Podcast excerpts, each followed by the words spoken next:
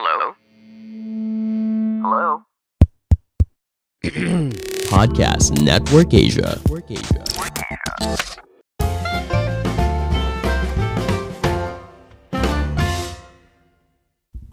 Halo semuanya, kembali lagi bersama saya Madianto. Jangan lupa like, subscribe, dan komennya. Kali ini kita akan membahas tentang alasan penting untuk menghemat uang. Kamu mungkin bertanya pada diri sendiri, mengapa sangat penting untuk menghemat uang? Jika kamu memiliki cukup uang untuk membayar semua yang kamu butuhkan, kenapa kamu harus khawatir tentang menyisihkan uang setiap bulan? Ada berbagai alasan untuk memulai atau melanjutkan menabung. Orang yang berbeda menabung untuk alasan yang berbeda, tetapi secara umum memiliki tabungan akan menguntungkanmu di masa depan. Apakah kamu akan mencegah kesulitan atau mengejar hal-hal yang kamu inginkan? Menyimpan uang juga mungkin lebih mudah jika kamu memiliki tujuan atau cita-cita yang jelas untuk itu. Berikut adalah beberapa alasan kenapa kita harus menghemat uang mulai dari sekarang. Yang pertama untuk menyimpan dana darurat. Sangat penting untuk memiliki dana darurat yang disisihkan untuk menutupi pengeluaran tak terduga.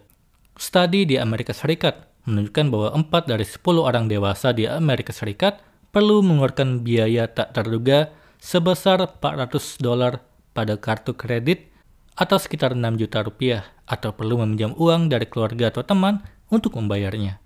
Keadaan darurat itu mungkin berupa perbaikan mobil yang tidak terduga, tagihan medis yang mahal, atau kehilangan pekerjaan secara tiba-tiba.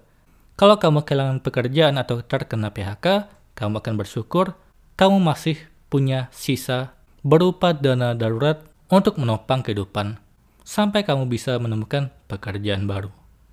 Kedua, simpan untuk pensiun. Alasan penting lainnya untuk menghemat uang adalah untuk pensiun. Semakin cepat kamu memulai menabung untuk masa pensiun, semakin sedikit kamu harus menabung di masa depan.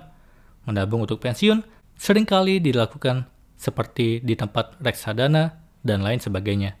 Uang yang diinvestasikan dalam rekening khusus ini memiliki potensi untuk meningkatkan nilainya, sehingga menghasilkan bunga yang bertumbuh dan akan meningkat ketika kita sudah tua.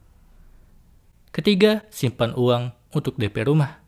Simpan uang untuk DP rumah. Kalau kamu dapat menghemat 20% dari harga pembelian, kamu dapat menghindari membayar asuransi, membayar bunga yang besar dari pinjaman bank. Sehingga kamu dapat menentukan berapa banyak yang harus ditabung untuk membeli rumah setiap bulan berdasarkan keadaan kamu dan tujuan tabungan lainnya. Keempat, simpan untuk memaksimalkan jumlah tabunganmu di mana kamu menyimpan uang juga penting. Gunakan rekening tabungan biasa, rekening tabungan hasil tinggi, rekening pasar uang, obligasi tabungan, ataupun menabung di logam mulia. Ketika harga dari asetmu naik, maka otomatis uangmu pun akan naik. Kelima, hemat untuk liburan, kendaraan, atau pembelian besar lainnya. Rekening tabungan tidak hanya untuk hal-hal yang kamu butuhkan, bisa juga untuk hal-hal yang kamu inginkan.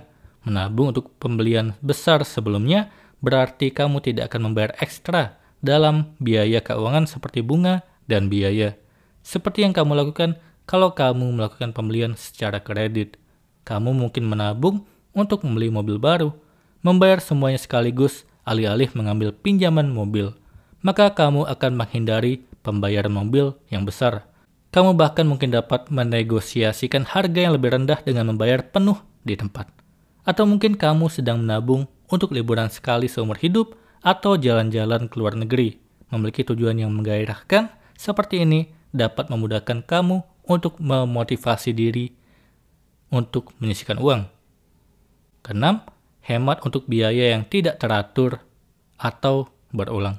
Terkadang kamu tahu akan ada pengeluaran besar yang akan datang, bahkan kalau kamu tidak yakin berapa banyak atau kapan tepatnya. Hal itu akan terjadi untuk menutupi ini, siapkan dana pelunasan.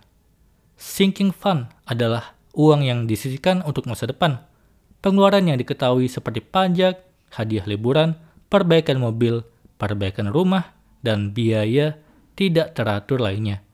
Penghematan ekstra ini dapat membantu mencegah kamu dari keharusan memasukkan dana darurat. Lagi pula, membayar pajak bukanlah keadaan darurat. Kamu tahu itu akan datang, dan kita harus siap membayar pajak. Semoga ini bermanfaat. Sekian dan terima kasih. pandangan dan opini yang disampaikan oleh kreator podcast, host, dan tamu tidak mencerminkan kebijakan resmi dan bagian dari podcast Network Asia. Setiap konten yang disampaikan mereka di dalam podcast adalah opini mereka sendiri dan tidak bermaksud untuk merugikan agama, grup etnik, perkumpulan, organisasi, perusahaan, perorangan, atau siapa pun dan apa pun.